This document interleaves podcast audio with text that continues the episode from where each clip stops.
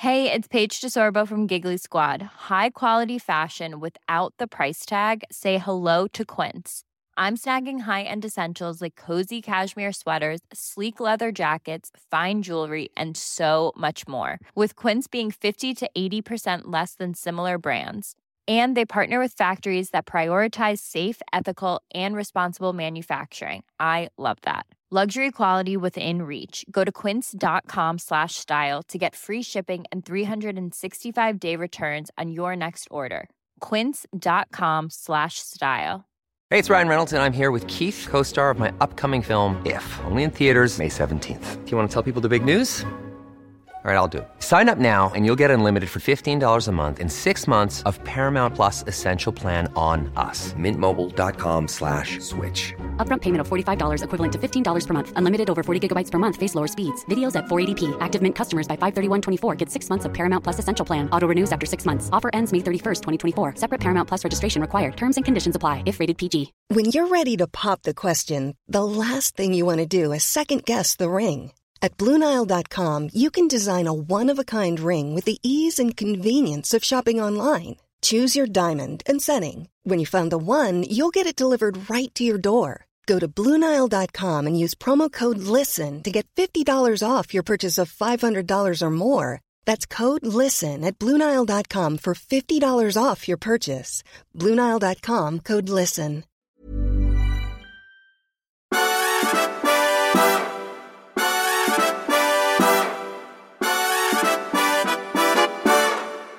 God morgon. God morgon. Dags igen. Morgon igen. Mm, det är det. Eh, vad ska vi göra idag då? Eh, jag tycker att vi ska namedroppa lite om den kommande regeringen. Mm. Det tycker jag är dags för det nu. Tycker du det? Ja, det kan ju komma ett besked idag under dagen. Ja, jag vet inte eh, om jag tror på det. Men det kanske gör det. Jag vet aldrig. Jag tror att det är för mycket. Och... Och statsminister blir? Jag är faktiskt osäker fortfarande där. Av den enkla anledningen att jag litar inte på att, att eh, alltså det är en jättekampanj nu för, på Liberalerna och jag läste just om, eh, den här sker liksom bakom kulisserna. Det mejlas till de liberala ledamöter som man vet egentligen inte gillar SD. Från alla möjliga människor. De får tusentals mejl som nu uppmanar dem att inte... Vi- Vilka är intressenterna som vill påverka L här då? Ja, det är väl sossarna framförallt, men det f- finns ju säkert andra också. Det är ju alltså, det är en ganska bred koalition som tycker väldigt illa om SD och hellre vill ha, hellre vill ha en S-regering. Så jag är inte så, jag är inte, jag ska nog inte vara 100% säker på att det går att få ihop det. Att det blir en? Så man kan inte ens vara säker på statsministerposten Man kan inte ens vara säker Det på att Ulf. Kristersson Nej, man kan inte helt säker. Det kan inte, inte, Man kan inte vara det. It's not over until the, ja, slim, Fat slim, lady, fat lady the sings. slim boy sings i det här fallet då. Ja, just det. Precis. Mm. Nej, men eh, det här med att SD säger sig vilja ha eh, ministerpost, Mm. åtminstone en. Eh, stämmer inte det? Jag tror inte att de är så jätteintresserade av att sitta i regeringen. De är intresserade av att, att, att motivera för sina väljare att de tar vara på det stora förtroende de har fått. Eh, Och då är liksom ett enkelt sätt skulle ju vara att sitta med i regeringen. Men å andra sidan är det så att sitter de med i regering så kommer de få mycket svårare att- driva på regeringen. För då måste de vara kollektivt ansvariga för alla beslut som tas där och det kommer vara mycket kompromisser som de inte kommer att gilla oavsett hur man gör. Då är det enklast utanför regeringen och, och, och eh, bara ta ansvar för det man har kommit överens om. Liksom. Det enklaste sättet att sitta i regeringen är egentligen det svåra. Så därför så är Ja. det dess innersta önskan. Eller partiledningen inser, jag tycker du har rätt. Eh, Partiledningen inser säkert att det här är precis då saker och ting börjar spricka på riktigt. Inne i partiet. Ja, och plockar man in SD i regeringen så tappar man ju Liberalerna. Ja. Och det, jag tror inte ens, då kommer det, det, det är liksom den ursäkt de liberaler som inte vill kommer att behöva för att inte ställa upp här och det blir ingen regering alls. Så att jag tror att det, det är rätt osannolikt.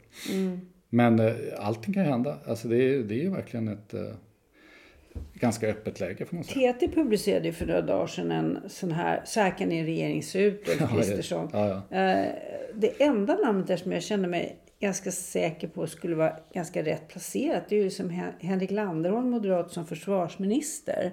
Det kände jag att eh, där väcktes det inga inre tvivel hos mig. Han är ju gammal bästis med Ulf Kristersson. Jag vet inte om det är bra eller dåligt. Men han är ju numera ambassadör. Det är inte säkert att han vill gå tillbaka till politiken. Nej. Det som, det som på den där listan som jag inte tror på, eh, det får man väl stryk för att man säger igen då, men det är ju Carl Bildt som utrikesminister. Jag kommer ihåg förra gången Carl Bildt var på tal på utrikesminister, då satt jag dagen innan regeringen presenterades satt jag i TV och sa de som påstår att Carl Bildt är utrikesminister fattar inte hur politik fungerar. Och sen så dagen efter blev han utrikesminister. Så men nu ska jag göra samma sak igen. Ja. Eh, Den därför, som... därför att Alltså Carl Bildt var ju en bra utrikesminister för Fredrik Reinfeldt. För Fredrik Reinfeldt ville inte hålla på med utrikespolitiken. Så han lejde ut den på Carl Bildt som ju liksom i, i praktiken är en frifräsare. Han gör som han vill. Mm. Och det gick jättebra under Reinfeldt. Men nu är vi i ett helt annat skede. Vi har massor med frågor som är viktiga som utrikesministern måste ta hand om. Och som statsminister måste kunna kontrollera. Allting från NATO-medlemskap till kriget i Ukraina, eh, allt möjligt sånt här. Så det går inte att ha en fri fräsande utrikesminister utan Ulf Kristersson måste ha någon ut- utrikesminister som han kan kontrollera och han kan inte kontrollera Carl Bildt för det kan ingen. Nej. Så det tror jag vore en, Men är det något annat namn som då faller naturligt för dig att tänka på? inga namn direkt, men jag, jag tycker att jag skulle, jag skulle inte bli förvånad om Kristersson försöker bygga en regering där han försöker plocka in folk som liksom har brett förtroende och kanske inte är, i första hand är, är så eh, st- starka politiska figurer. Alltså plocka in någon som, som har ett, ett gott anseende och, och mycket erfarenhet av utrikespolitik till exempel på utrikesministerposten. Problemet med det är ju att man har ju bara de platser man har att fördela och man vill ju som partiledare gärna belöna folk och så för att hålla dem lugna. Så att varje plats man ger bort till någon som inte är en partikoryfé blir ju ett, en kostnad. minus liksom. Ja, En Men du, det slår minus. mig nu att Henrik Landerholm kanske skulle kunna platsa in som en utrikesminister. Ja, det skulle han nog kunna göra. Kanske. Det skulle han kanske kunna göra. Ja, Vad vet man? vad vet man? Man vet väldigt lite. Mm. Biståndsminister Nyamko Sabuni, det är bara sista frågan. Tror vi på det? TT Ja, lanserar här en djärv idé får man alltså både KD och Liberalerna är ju intresserade av den posten tror jag. Eh, Ja. För att de, för dem är, är bistånd liksom en viktig profilfråga för att visa att de inte är SD också. Mm. Ehm, Så någonstans därifrån kommer det, men om det blir KD eller L, det vet jag inte. Om Mm. det skulle bli Nyamko Sabuni, jag vet inte. Är hon, tror du att hon är jätteintresserad av att komma tillbaka till politiken? Ingen aning. Inte jag heller. Nej. Ja, vi får Anders se. Borg då, vad tror du om honom? Ja, eh, eh, frågan är om det inte skulle... Om det är så att man så att säga återbrukar Carl Bildt so- som idé så är det kanske så att man känner ett visst behov av eh, några som har haft ledande ställning och tål stress och kan prestera eh, under jobbiga förhållanden. Då stämmer det rätt bra in på Anders Borg. Ja. Men vad skulle han bli då? Så han kan inte bli finansminister Nej, det igen? kan det inte bli. Vad ska, det skulle vara taskigt mot Elisabeth Svantesson. Utrikes. Ja, fast jag undrar. Ja, ja kanske. Och Alltså, jag- han har jobbat mycket med Afrika och sådär. Mm. kanske. Och han har ju jobbat mycket för Kinnevik och de har ju, har ju verksamheter på alla möjliga ställen. Så det är klart, han kanske har en hel del. Och sen så han, som utrikesminister var han, eller som finansminister var han ju mycket i EU. Så att det, Mm. det är i och för sig. Sen tycker jag att man får tänka på att utgå direkt ifrån de Mm. ministerindelningar som en tidigare regering har haft. Det ska man inte göra. Nej, det kan nej, tillskapas helt nya poster. Det görs det ju Och vid tas varje, bort saker, så Ja. kan det vara. vid Ja. varje regeringsbildning. Kommer du ihåg att vi hade en, det har vi väl inte längre, samhällsbyggnadsminister ett tag under Göran Persson. Det tycker jag är en är fin, fint. en fin titel. Det låter som man är ansvarig för i stort sett allting. Mm. Eller inget. Eller inget, ja. Hur som helst så tror jag att det är, Nej, alla som hamnar i den regeringen kommer, kommer att få rätt jobbigt. För det är inget kul läge att ta över nu, Nej, faktiskt. det är det faktiskt inte. Det kommer att bli, eh, det kommer att bli en tuff vinter. Och det kommer att bli, alltså när, när räntorna eh, börjar klättra ordentligt och folk känner av det och elräkningarna kommer. Det kommer inte vara så kul att vara statsminister då, Nej. tror jag. Faktiskt. Men det, är, ja, någon Och, ju... och en, en halvt eh, utom sig eh, Putin som, Mm. som knackar på dörrar här och Ja, där. ja. Vill utvidga sitt imperium. Ja. Ja, nej. Jaha, Roligare kan man ha. Vi får se då om det blir någonting. Det är, det, är, det är klart att de skulle ju gärna vilja slänga fram någonting så att de hade någonting färdigt redan när riksdagen kommer tillbaka här på måndag. Det skulle vara en sån här prestigevinst. Imorgon, enkelt. Ja, och det skulle vara en prestigevinst att kunna visa att, att, eh, att de jämför det med det där kattrakandet som skedde förra gången där det tog hur många hundra dagar det nu tog för alltihopa och, och, och ta form. Så vårt stalltips är håll ögonen och öron öppna under dagen. någonting kan man göra. Göra, jag tycker att man alltid ska göra det för säkerhets skull. Man vet aldrig vad som händer. Det var fint sagt tycker jag. Men även, även under dagen. Mm, Tycker jag. Bra. Ja, Ja, annars får jag väl berätta lite om mina Birgitta-studier som nu äntligen har lett mig till någonting som jag tycker känns lite intressant. Och det är när man kommer fram till att eh, Birgittas gärning i väldigt stor utsträckning eh, eh, på, formades av det faktum att hon var mor till åtta barn. Mm. Och det blir ett väldigt naturligt steg över till Mariakulten Ja, i katolicismen. Och Ja. där äntligen förstår man någonting om hennes genomslagskraft. Mm. Och där förstår man kanske också någonting i den här lite tondöva beskrivningen av henne och, och de här förmenta frågorna omkring henne. Mm, Var hon överviktig och bonds? var hon väl, väldigt eh, illa utbildad? Hade, eller, Eller var hon bara tokig? eller var hon ganska, eller var hon tokig? Eller var hon ganska snygg och smal kanske? Eller alla de här frågeställningarna som eh, inte har med... det gamla programmet om Selma Lagerlöf. Nej, men jag tror hon var... Ja, jag tror att hon skrev böcker. Jag tror hon skrev böcker. Ja. Ja. Nej, men så att nu, nu känner jag mig äntligen lite glad i detta. Så får vi se om Sven Stolpe Just det, Ja. du är i mitten på. Birgitta i Rom. Och Birgitta i startar Rom. andra delen ja, av hans. Du, apropå det, Sven Mm. Stolpe, det, han är ju aktuell kanske på ett sätt som man inte skulle önska genom, genom Ja, just det. Den här filmen Bränn, eh, Bränn alla mina brev. alla mina brev. ja. Som är baserad på Alex Schulmans roman som jag faktiskt inte har läst. Nej, inte jag heller. Eller det, är- ja, det är väl en roman? Ja, det eh, fast den verkar ju... Eh, Verklighetsbaserad. inspired by true events kanske är en underdrift. Ja, jag tror det. Kalkerad på verkligheten. Kalkerad på verkligheten. eh, Där då den här eh, som är hans Olof Lagercrantz mor... och hans Ja, men, eh, morfar. Han är ju morfar. Sven Stolpe, Ja, mm. Beskrivs ju som en fruktansvärd översittare. Som var oerhört eh, stygg mot sin fru. Mm. Och eh, fru, det vill säga mormor, hade då en historia med Olof Lagercrantz. Som Mm. i sin tur ofta har beskrivits som en fruktansvärd översittare. Ja, Jag tycker, alltså, utan att veta allt för mycket och lägga mig i det, här på att alla som har förhållanden med Olof Lagercrantz tycker jag visar dåligt omdöme. Men, men det är min egen personliga. Ja, precis. Det är, och nu är det för sent. Ja. Kan man säga. Men, nej, men det är intressant. Sen tycker jag att det är intressant det här. Det är en sak som är väldigt intressant. är hur den här boken och nu också den här filmen visar hur, hur kulturlivet är en slags adelsvärld eller skråvärld. Alltså eh, boken är då skriven av, av Alex Schulman som då eh, är barnbarn till Sven Stolpe. Och handlar om, om Sven Stolpe och Sven Stolpes eh, hustru och, och eh, Olof Lagercrantz. Eh, som ju är en stor kulturpersonlighet. Och eh, det har berättats då att, att Alex Schulman pratade med då David Lagercrantz när han höll på att skriva den här boken. Som ju är en känd författare nu och så. Som är då son till Olof Lagercrantz. Eh, och, eh, och så görs filmen och då är det Naturligtvis i en av huvudrollerna är det en Skarsgård. Vad annars?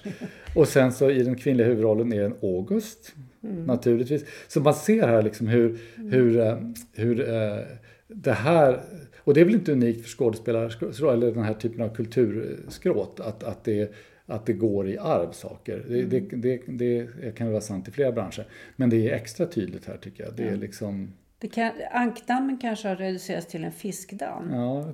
Barnen gör konstverk baserade på sina konstnärliga eh, Mor föräldrar och, mor, och, mor och farföräldrar. Och så. Ja, det är, generation, det är inga generationsväxlingar här utan det är bara obrutna kedjor. Det finns någon slags, det finns ju en risk för visst navelskåderi kanske. Men, men boken fick ju väldigt fina recensioner som jag minns. Jag har faktiskt inte läst den. Eh, eh, och filmen verkar få lite blandade.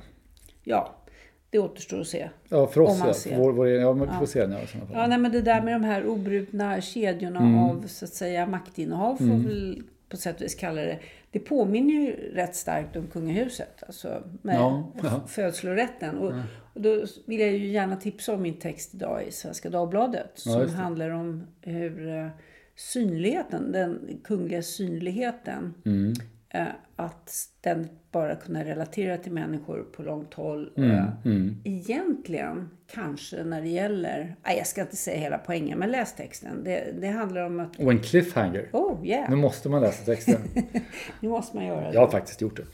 Vi Ja. läser ju varandras texter. Det är, Ja, det det är ganska bra. Vi, för vi skriver rätt olika du och jag. Och sen så läser vi varandras texter innan vi skickar in dem. Och du skrattar aldrig åt mina skämt. Eh, och, och jag eh, eh, Håller aldrig med om mina slutsatser. Und, undrar över dina argument ibland. Men det är, det är det som gör det så bra. Om vi, om vi bara skulle liksom direkt eh, godta allting. Åh älskling, du är bäst i världen. Ja, det skulle inte vara så stor poäng. Nej. Nej, men vi är ganska tuffa redaktörer mot varandra. Det, det, det uppskattar Ibland jag. bara ett frågetecken. Ja, precis. Det är det värsta. Det är när, det bara, när det bara står ett frågetecken i kanten. Och man säger jaha. Ja. Ja. Nej, men det är jättebra faktiskt. Det är det. Sen är jag ganska bra på prepositioner. Ja, du är bra. Bättre än du. Vad, vad menar du på det?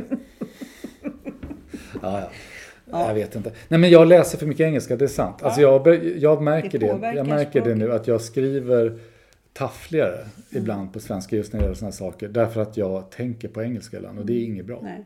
Men Av, det- till exempel. Ja, precis. Men Det blir lite, det blir lite konstigt. Ja. Eh, och det, det måste jag göra någonting åt. Jag, tror, jag kan förlåta dig. Bara, bara du säger. Mm. Nu läser jag ju på svenska, men nu läser jag ju då Vad läser du? Jag håller ju på att läsa, jag håller fortfarande på med, med på spaning. Eh, Mm. Och den är ju översatt till svenska eftersom min franska inte tillåter att jag läser den på franska. om vi säger så. Eh, och, eh, nej, men jag, är, jag är fortfarande inne i, i tredje delen som är en rätt tjock del, det är sådär drygt 500 sidor. Men, men eh, jag är en tredjedel inne i den ungefär och den är, jag tycker fortfarande att det är, är mycket roligt. Eh, Jag hade ett litet uppehåll nu när vi var i Rom för att eh, det var liksom inte, det var andra saker som prioriterades än bokläsning där. Men, men han har en sån otrolig, ehm, han har ett sånt otroligt språk.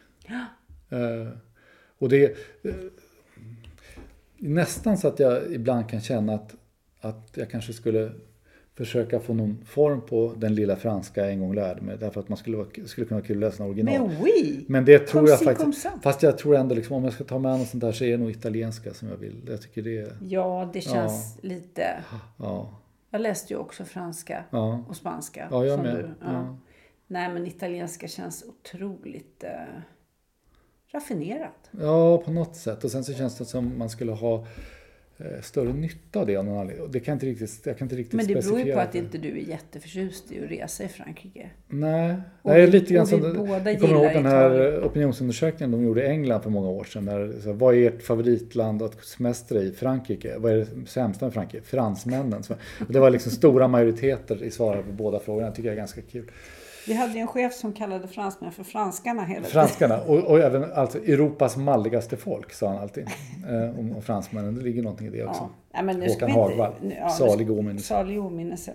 Vi ska inte bärsa Frankrike tycker jag. Nej, Inte i onödan. nej, okej. Det är så mycket som är gott med det. Maten till exempel. Jag skrev något elakt om Frankrike i EU för inte så länge sedan och då Mm. fick jag en vänlig inbjudan att, att träffa Frankrikes ambassadör. Mm. I, i, på ambassadresidenset har vi ju varit på ett par gånger på Mm. middagar och mottagningar och sådär. Det ligger ju på, på Narvavägen. fast det var länge sedan Det var länge sedan. Eh, Det ligger på Narvavägen där, ganska fint. Men, men eh, ambassaden ligger ju i din, ditt gamla plugg. Mm, på Palm. Palmgrenska. Palmgrenska samskolan. Samskolan. Där eh, huserar nu fransmännen och har bytt ut glasen mot sådana här skottsäkra glas. Så det är Mm. väldigt fula fönster. Alltså de där skottsäkra glasen ser ju helt döda ut. Men då blev jag, jag ska inte säga att jag blev uppkallad, det blev jag inte alls. Jag blev inbjuden på ett mycket vänligt sätt. Och jag satt, Mm. satt och hade en, en längre samtal med ambassadören om, om EU och Frankrikes hållning och sådär. Eh, jag tror inte att det syftet var något annat än att han blev nyfiken på va- varför jag gav mig på de stackarna. Vad var det där för groda? Jag har inte hört av honom sen. Nej. Eh, Så jag vet inte om det är gott eller dåligt. Och vill vi ha lite fransk flair då får vi ju faktiskt maka oss till Bara Vän på Narvavägen. Just det, så är granne nästan. Med Philippe. Med Filippa. Ja, just Ja. det. Han kommer från Jura. Ja, han kom från Jura. Han, och han har öppnat eh, champagnebar också. ostronbar. Ostronbar. Det är underbart. Det är jättebra. Mm. Frankrike är bäst i Sverige. Nej, Nej, det så kan man inte så kan man inte säga. du, vi får inte glömma bort det här tråkiga som har hänt i veckan med Hilary Mantel. Nej, just det. Jag tänker att du har någonting Ja. på hjärtat där.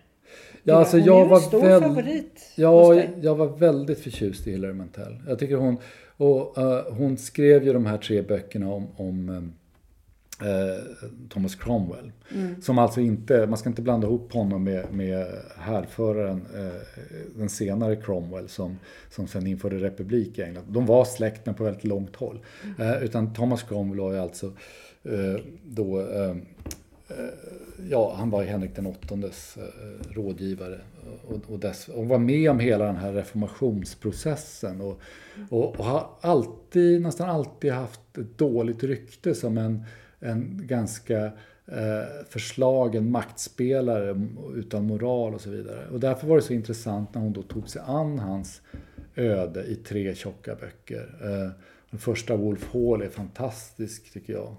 Eh, och väldigt obehaglig att börja läsa för att den börjar med en ganska grov misshandel. Mm. Och, och, och den är så väl beskriven att det faktiskt inte är kul att läsa. Mm. Och jag kände, jag kommer ihåg, jag kommer ihåg när jag läste det först, kände liksom, men vad är det här? Mm. Och sen så inser man några sidor senare, ja men det fanns en tanke liksom. Det är inte spekulativt på något sätt utan det är, det, det är en viktig en viktig bricka för att liksom förstå. För hela den här bokserien kan man säga handlar om vem, vem är Thomas Cromwell? Mm. Eh, och det är en väldigt viktig pusselbit för att förstå varför han är den han är. Liksom, den här Vad var hennes storhet som författare då? Jag tycker att det är, alltså det är väldigt svårt att skriva historiska romaner utan att det blir anakronismer. Alltså att, att man Alltså jag tycker ofta när man gör historiska romaner, så de som man ska sympatisera med, de blir som nutidsmänniskor som är satta i en mm. gammal miljö. Därför mm. att man ska kunna ha lätt och, och så är det inte alls. Hon, hon, har en fantastisk förmåga, tycker jag, att på ett trovärdigt sätt skildra en tid där värderingarna faktiskt är väldigt annorlunda på många sätt. Men man ändå kan eh, så att säga, förstå dem. Eh, och, och, det tycker jag. Jag har läst också hennes, hon skrev en stor bok om, om franska revolutionen. Eh, som jag faktiskt för tillfället inte kommer ihåg vad den heter, det är lite slarvigt av mig. Men, men, eh, och, jag, och den är också väldigt intressant, men jag tycker inte hon lyckas lika bra där. Det är någonting i det här med just när hon valde motivet Cromwell som, som uppenbarligen passade henne väldigt väl. För det är en, eh, språket i de här tre böckerna är ju, är ju fantastiskt. Sen blev det ju tv-serie, jag tyckte den var sådär. Mm. Eh, det var bättre än vad jag hade förväntat mig. För det är ju väldigt mycket liksom inre dialog i de här böckerna och det är svårt att gestalta i film. Men, men, mm. men, eh, men böckerna är ju oslagbara tycker jag. Hon såg ju väldigt rolig ut också på något sätt. Ja.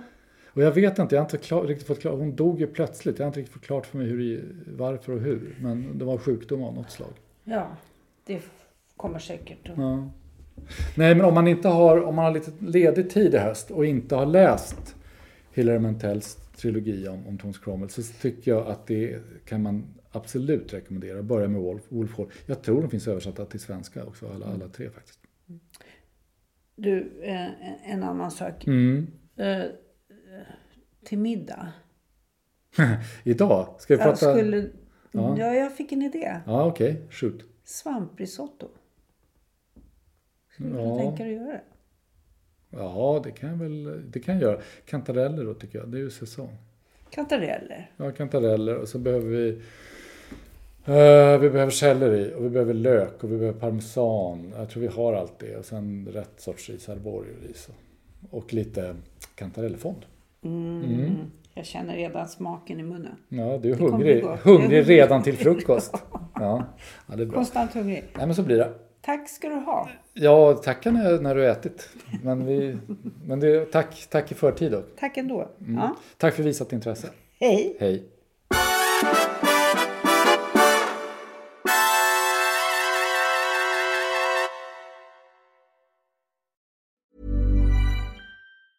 Hey, it's Paige DeSorbo from Giggly Squad. High quality fashion without the price tag. Say hello to Quince. I'm snagging high-end essentials like cozy cashmere sweaters, sleek leather jackets, fine jewelry, and so much more. With Quince being 50 to 80% less than similar brands. And they partner with factories that prioritize safe, ethical, and responsible manufacturing. I love that. Luxury quality within reach. Go to quince.com slash style to get free shipping and 365-day returns on your next order. quince.com slash style.